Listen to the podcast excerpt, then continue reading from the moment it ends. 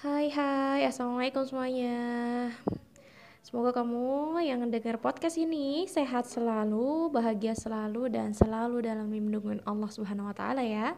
Oke, setelah sekian lama gue nggak bikin podcast, karena gue lagi lumayan sering di uh, nulis di blog. gak tahu deh lebih kadang-kadang mut-mutan ya. Mau di blog lah atau di Instagram lah. Pokoknya ngerasa yang penting produktif dan ada suatu hal yang dibagikan aja sih. Oke jadi hari ini aku mau cerita aja nih. Buat kamu yang ngedengerin makasih banyak udah klik podcast ini. Kalau nggak ada yang dengerin juga I'm happy because aku bisa cerita ke diri aku sendiri dan barangkali ada manfaat yang mungkin aku bisa share ke teman-teman. Nah, sebetulnya ya guys, aku tuh mau sedikit cerita tentang ya mungkin kalian juga mengalami hal ini gitu ya ada masanya kadang itu kita menurun semangatnya kadang kita tuh ngerasa turun uh, energi positifnya berkurang kayak gitu yang pada akhirnya imbasnya adalah amanah nggak tuntas tanggung jawab enggak maksimal. Dan parahnya lagi yang paling bikin sedih adalah ibadahnya bener-bener merosot turun drastis tis tis tis gitu kan. Dan aku pikir sih semua orang pasti merasakan itu gitu ya. Termasuk kamu mungkin yang mendengar podcast ini ataupun aku pribadi gitu yang ada masanya kita tuh nggak selalu semangat gitu. Kadang-kadang yang aku sampai minta nasihat kan sama teman aku eh kasih nasihat aku dong misalnya lagi futur nih gitu. Futur itu imannya turun gitu ya. Nah terus kadang-kadang ada juga teman yang nanggepi ha kok kayak bukan Selma gitu. Ya ya please lah gue juga manusia gitu. Yang gue juga seperti kalian yang sama banget dan sering juga muncul hal-hal yang tidak diinginkan seperti males itu gitu kan eh, kadang-kadang malas itu kan juga datang di waktu yang nggak tepat yang kita tuh lagi banyak tugas lagi banyak amanah harus banyak ngerjain ini itu dan banyak yang harus dipikirin tapi nggak tahu gitu tiba-tiba malas aja gitu kan. Uh, bukan bad mood ya mungkin ada yang bad mood tapi kalau gue sih lebih ke males sih gitu kan aduh aduh. Nah dari podcast ini aku pengen berbagi dan cerita gimana sih buat aku pribadi kalau aku lagi males terus mungkin kamu bisa menerapkan atau kamu bisa berbagi di uh, komen uh, suara di podcast kali ini. Oke jadi gini uh, kan memang beberapa hari ini aku memang kondisinya lagi kayak gitu tuh. Dan uh, banyak hal sih yang aku coba cari tahu nih biar aku nggak terus-terusan di kondisi males nih gitu kan. Apalagi memang kondisinya aku anak rantau yang nggak ada ibu bapak yang apa ya eh, ngejar-ngejar gitu. Ayolah jangan kayak gitu gitu kan. Kalau di rumah kan ada ini ada yang ih tidur lagi. Ih uh, cewek kok nggak rajin ya uh, atau ih kok kurang ini kurang itu kan ada yang komen nih. Tapi ketika di kosan nggak ada yang ngekomenin nggak ada yang intervensi nggak ada yang marah marah-marah ya itu konsekuensinya gitu. Jadi mau nggak mau kalau lagi males ya nggak ada ingetin gitu. Paling temen itu pun kalau temennya lagi care. Kalau enggak ya iya mau nggak mau diri lu sendiri gitu kan. Nah akhirnya gue e, biasanya sih pakai cara yang pertama tuh dengerin ceramah gitu dengerin ceramah ustadz ataupun motivasi gitu kan. Nah kalau kita denger motivasi itu kan kita jadi tahu oh iya nih gue punya tujuan nih. Oh iya gue nih e, harus ada yang dilakuin nggak boleh kayak gini terus. Atau kalau denger ceramah ustadz kan jadi adem oh, ternyata memang e, banyak hal yang harus dilakukan dan memang ya ini nasihat-nasihat agama yang aku dapat sih biasanya memang selalu mencerahkan. Tapi nggak tahu kenapa kadang-kadang tuh nggak selamanya nasihat-nasihat e, di ceramah ataupun e, di motivasi itu tuh e, bisa nampol dan ngena gitu tuh nggak selalu gitu. Kadang-kadang sampai ala kebal ala itu doang atau iya semangat beberapa menit gitu. Terus habis itu ngelihat kasur ya Allah kasur itu begitu nikmat dan lain sebagainya itu gitu kan. Nah uh, sampai pada akhirnya aku ngerasa uh, bingung gitu kan terus apa ya gue harus ngapain lagi ya baca buku? Iya orang lagi males juga ya maksudnya paling baca buku yang bener-bener gue pengen baca gitu kan. Atau nulis ya gue nulis gitu kan cerita sama diary yo kalau gue hari hari ini lagi kayak gini kayak gini nih kayak gitu. Ya udah untuk melepas aja tapi kayak untuk ngepush diri gue sendiri tuh biar lebih semangat tuh kayak kurang gitu. Nah pada akhirnya uh, ada satu video pendek sih memang yang ngingetin gue bahwa uh, wasta'inu bisobri wasolah gitu kan. Jadi uh, uh, pokoknya intinya uh, bersabarlah dan sholatlah dirikanlah sholat gitu. Ya aku aku nggak begitu paham artinya secara detail ya. Intinya kalau ada apa-apa kalau kata ustadz ya kalau ada apa-apa ya ya wudhu gelar sajadah dan sholat gitu kan. Nah nasihat itu tuh yang bener-bener aku uh, deep banget buat aku yang sampai ya juga ya mungkin gue udah lama nggak uh, berinteraksi uh, yang bener-bener dari hati ke hati yang dari interaksi sedalam mungkin gue sama Tuhan gue gitu sama Allah gitu. Mungkin selama ini kita sholat tapi kita sholatnya hanya rutinitas atau hanya oh ya gue harus sholat oh ya gue uh, punya kewajiban ini. Tapi nggak yang sampai menikmati gerakannya maknanya sampai berbisik ke Allah ya Allah aku ini lemah ya Allah aku ini uh, lagi kayak gini. Nggak sampai yang curhat seolah-olah kita curhat sama manusia yang nggak sampai yang sebegitunya gitu. Sampai akhirnya ya udah gue coba ya udah mungkin memang uh, sholatnya masih uh, berantakan dan masih kurang serius dalam arti kurang khusyuk sehusyuk khusyuknya gitu kan. Dan uh, ya itu benar-benar begitu emang butuh sholat dan minta sama Allah gitu kan. Di sujud terakhirnya berbisik ke Allah ya Allah uh, aku ini males gitu aku ini uh, lagi futur gitu bantu ya Allah uh, aku ini lemah gitu kan. Engkau yang maha kuat engkau yang maha memberi kekuatan please ya Allah kasih kekuatan gitu. Jadi berbisik itu nggak usah ragu berbisik sama Allah dan uh, aku ngerasain sih before afternya ketika cerita sama Allah dan itu emang bener-bener ngerasa efeknya dan ya masya Allah gitu ya. Itu yang pertama. Dan uh, kita sholat kita minta sama Allah. Sesimpel ya Allah aku tuh lagi males gitu ya. Tapi aku nggak mau gini terus karena aku tahu kerjaan aku amanah aku ada banyak dan ada orang-orang menanti peran aku yang nggak boleh disia-siakan. Dalam arti kalau aku meninggalkan uh, amanah tanggung jawab dan peran-peran aku artinya aku zolim sama mereka. Sedangkan kalau zolim ya itu dosanya udah ke makhluk gitu kan merugikan gitu ya Allah gue nggak mau kayak gitu aku nggak mau kayak gitu gitu kan. Nah ketika kita udah berdoa minta sama Allah ya istilahnya wudhu e, sholat gitu doa berbisik ke Allah bahwa minta dikuatin e, bantu gitu kan. Intinya kita emang lemah dan minta bantuan. Terus e, kayaknya emang setelah dari berbisik kepada Allah itu pasti aja ada jalannya gitu. Dan yang pertama yang paling aku rasain tuh kayak tadi pagi tuh. Jadi gue tuh mm, kan sama teman-teman e, murid lah ya murid aku. Bukan murid sih ya teman karena beda dikit lah. Jadi kan memang setiap pagi kita ada rutinitas tahsin tahfiz nih ceritanya gue yang pegang gitu kan. Nah si ahwat-ahwat ini mereka bertiga e, kebetulan pagi ini mereka request gini kak mau dong e, tahsinnya kita baca bergantian per ayat terus kita baca artinya biar ada e, biar tahu artinya apa gitu kan. Nggak kayak biasanya tiba-tiba mereka minta gitu dan memang sebelumnya karena memang sama uh, Pak Atet Pak Atet itu yang punya sekolah kami memang dibiasain kayak gitu kan dan gue waktu itu lagi nggak masuk gitu. Terus gue bilang oh ya udah ayo aja gitu. Kita bisa coba hal baru biar nggak bosen gitu. Nah begitu kita baca waktu itu waktu tadi pagi kita baca di Al-Baqarah 203 sampai uh, eh, 215 gitu kan. Nah ya di ayat yang buat kurullah fi ayyamin ma'dudat kayak gitu kan. Uh, kita baca satu persatu. Udah tuh kan satu halaman dua halaman kita berempat lah ya. Kita berempat kita baca dan uh, sampailah kita di uh, pembacaan arti gitu. Baca arti yang kalau dipikir-pikir gue juga udah lama sih nggak ngelakuin itu yang sampai bergantian dan dengerin yang lain untuk baca dan gue baru inget sih kalau ternyata gue udah cukup lama nggak ngelakuin itu. Ya gue jadi inget. Nah e, begitu kita baca ayatnya satu persatu bergantian sampailah pada ayat 208 Al-Baqarah nih yang menurut gue sih relate banget sama diri aku, diri gue dan kondisi saat ini yang uh, di ayat 208 tuh Allah bilang berfirman Allah berfirman yang artinya wahai orang yang beriman masuklah ke dalam Islam secara keseluruhan dan janganlah kamu mengikuti langkah-langkah setan. Sungguh ia musuh yang nyata bagi kamu.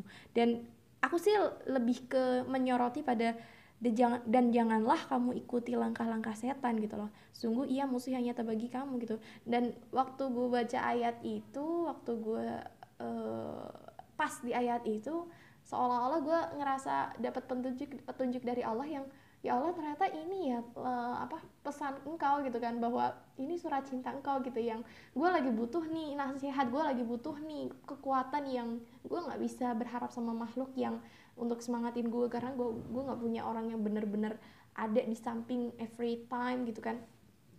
Ternyata Allah kasih uh, buktinya bahwa Allah kasih uh, ayatnya bahwa janganlah kamu ikuti langkah-langkah setan gitu loh. Karena sungguh ia tuh musuh yang nyata bagi kamu. Dan sampai situ lah gue langsung uh, berhenti dan keinget bahwa iya sih uh, mungkin selama ini beberapa hari ini gue menurun interaksinya sama Al-Quran gue menurun uh, kehusyuan sholatnya atau ibadah-ibadah lain terutama atau aman-aman lain uh, cukup menurun gitu kan. Karena uh, ya itu dari setan gitu kan uh, ya itu setan gitu. Setan kan nggak suka kita produktif setan nggak suka kita deket sama Al-Quran setan nggak suka kita sholat khusyuk kita setan nggak suka dengan hal-hal baik yang Allah perintahkan itu gitu kan. Dan artinya ketika kita mem membiarkan diri kita futur terlalu lama gitu kan ketika kita membiarkan diri kita terlalu lama dalam kemalasan ya artinya kita ngikutin setan gitu dan setan tertawa-tawa terbahak-bahak melihat kita kegoleran uh, rebahan terlalu lama dan scroll terlalu lama dengan HP kita itu gitu kan. Dan ya itu ujian kita gitu kan. Kenapa kita harus ngikutin setan? Ya udah lawan. Kalau kalau kita tahu bahwa itu tuh setan tugas setan dan setan ketawa dengan hal itu harusnya kita ngelawan karena kita nggak mau jadi temannya setan.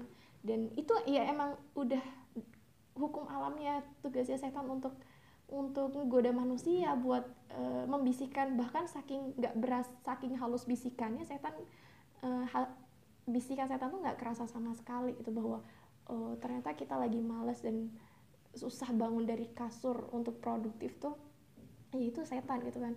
Terus kalau kita tahu itu dari setan kenapa kita harus membiarkan gitu? Kayak gitu. Dan sampai di ayat itu juga gue uh, terngiang-ngiang sebetulnya seharian ini gitu bahwa uh, pernah gue tanya nih sama Ustadz Ustadz Salim Afila waktu itu ikut kajiannya di Jakarta Selatan tuh gue dapat uh, kesempatan untuk nanya langsung pakai mic. Waktu itu di ada banyak waktu uh, mungkin 100 orang lebih 200 orang lebih lah. Nah gue tanya nih Ustadz uh, kita tahu kan bahwa uh, ujian kita uh, apa yang kita ucapkan itu jangan sampai berkebalikan dengan apa yang kita lakukan. Misalnya kita ngasih nasihat tapi kita nggak ngelakuin itu. Kan katanya itu kabur maktan tapi gimana ya Ustadz? Uh, tapi aku takut kalau kalau uh, itu terjadi padaku bahwa aku jadi orang yang kabur maktan kan ada masanya kita malas ada kita ada masanya kita futur dan lain sebagainya. Terus gimana ya Ustadz? Biar kita nggak kena ujian itu. Aku bilang gitu gimana ya Ustadz? Biar kita terhindar dari ujian itu. Terus kata Ustadz Salim dia bilang e, ya jangan takut sama ujian karena hidup ini kan penuh dengan ujian gitu. Jadi kayak ya udah kalau nemu ujian jangan khawatir. Mungkin ujian kita besar godaan setan besar godaan dari lingkungan kita besar gede gitu. Tapi kita punya Allah yang lebih besar. Kita punya Tuhan yang maha besar Tuhan yang maha uh, Allah yang maha kuasa yang selalu menemani kita dan selalu memberi kekuatan asal kita selalu bersamanya gitu. Nah uh, begitu gue sampai di ayat tadi gue langsung flashback di kajian itu dan oh iya bener. Oke gue memang mungkin punya malas gue mungkin mungkin memang manusia biasa yang punya hal-hal buruk yang itu datang tiba-tiba tanpa diundang. Tapi balik lagi gue punya Allah yang selalu standby di samping gue gitu. Gue punya Allah yang selalu hadir di saat gue butuh ataupun nggak e, dalam kondisi apa pun. Kenapa nggak gue minta dan ingat berzikir sama Allah minta sama Allah terus ya Allah kuatin kuatin kuatin kuatin kuatin terus. Itu yang gue lupain. Dan alhamdulillah itu jawaban dari Allah gitu kan. Dan yang kedua nih guys uh, kita kan waktu tadi pagi baca sampai ayat 215 sampai lagi di ayat 214 Al-Baqarah yang di ayat itu artinya adalah Ataukah kamu mengira bahwa kamu akan masuk surga padahal belum datang kepadamu cobaan seperti yang dialami orang-orang terdahulu sebelum kamu? Mereka ditimpa kemelaratan, penderitaan, diguncang dengan berbagai cobaan sehingga Rasul dan orang-orang beriman bersamanya berkata, "Kapankah datang pertolongan Allah? Ingatlah sungguh pertolongan Allah begitu dekat." di ayat Al-Baqarah ayat 214 ini uh, gue sih benar-benar tertampar gitu kayak iya juga sih kalau nginget uh, kita sekarang kita mungkin diuji dengan malas kita mungkin diuji dengan ujian hati mungkin diuji dengan um, dosen um, atau tugas atau waktu yang pad padat banget dan kita susah ngaturnya gitu dan lain sebagainya.